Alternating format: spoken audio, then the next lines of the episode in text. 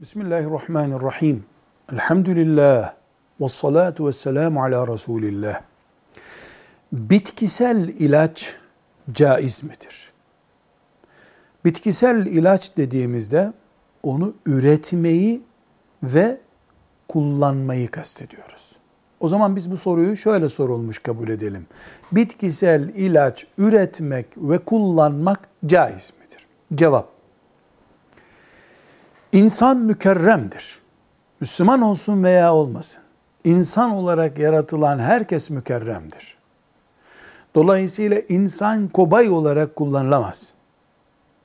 Resmen kobay diye kullanılamayacağı gibi insan bir tür sonuç olarak kobaylaştırma anlamına gelen uygulama da insan üzerinde yapılamaz. Bu ne demektir? Filanca ilaç, bitkisel veya kimyevi, biyolojik anlamda üretilmiş ilaç, farelerde denenir gibi insanda denenemez. Dünyanın tüm hayvanları bir insan parmağı kadar değerli değil Allah katında. Hayvana yapılacak muamele insana yapılamaz. Bir ilacın bitkisel olması veya olmaması veya kimyasal olması ya da olmaması yani eczanece satılması ile aktarda satılması arasında bizim için bir fark yoktur. İnsan sağlığı ile ilgili uzmanların insan sağlığı ile ilgili uzmanların kimdir bunlar? Doktorlar, bir oranda biyologlar, bir oranda kimyacılar, bir oranda eczacılar. Bu meslek erbapları insanın sağlığı üzerinde uzmanlaşmış meslek erbabıdırlar. Bunların zararlı dediği hiçbir ilaç bitkisel olsun, petrolden olsun, nereden olursa olsun bu ilaç insanda kullanılamaz. Kullanan da, üreten de mesul olur.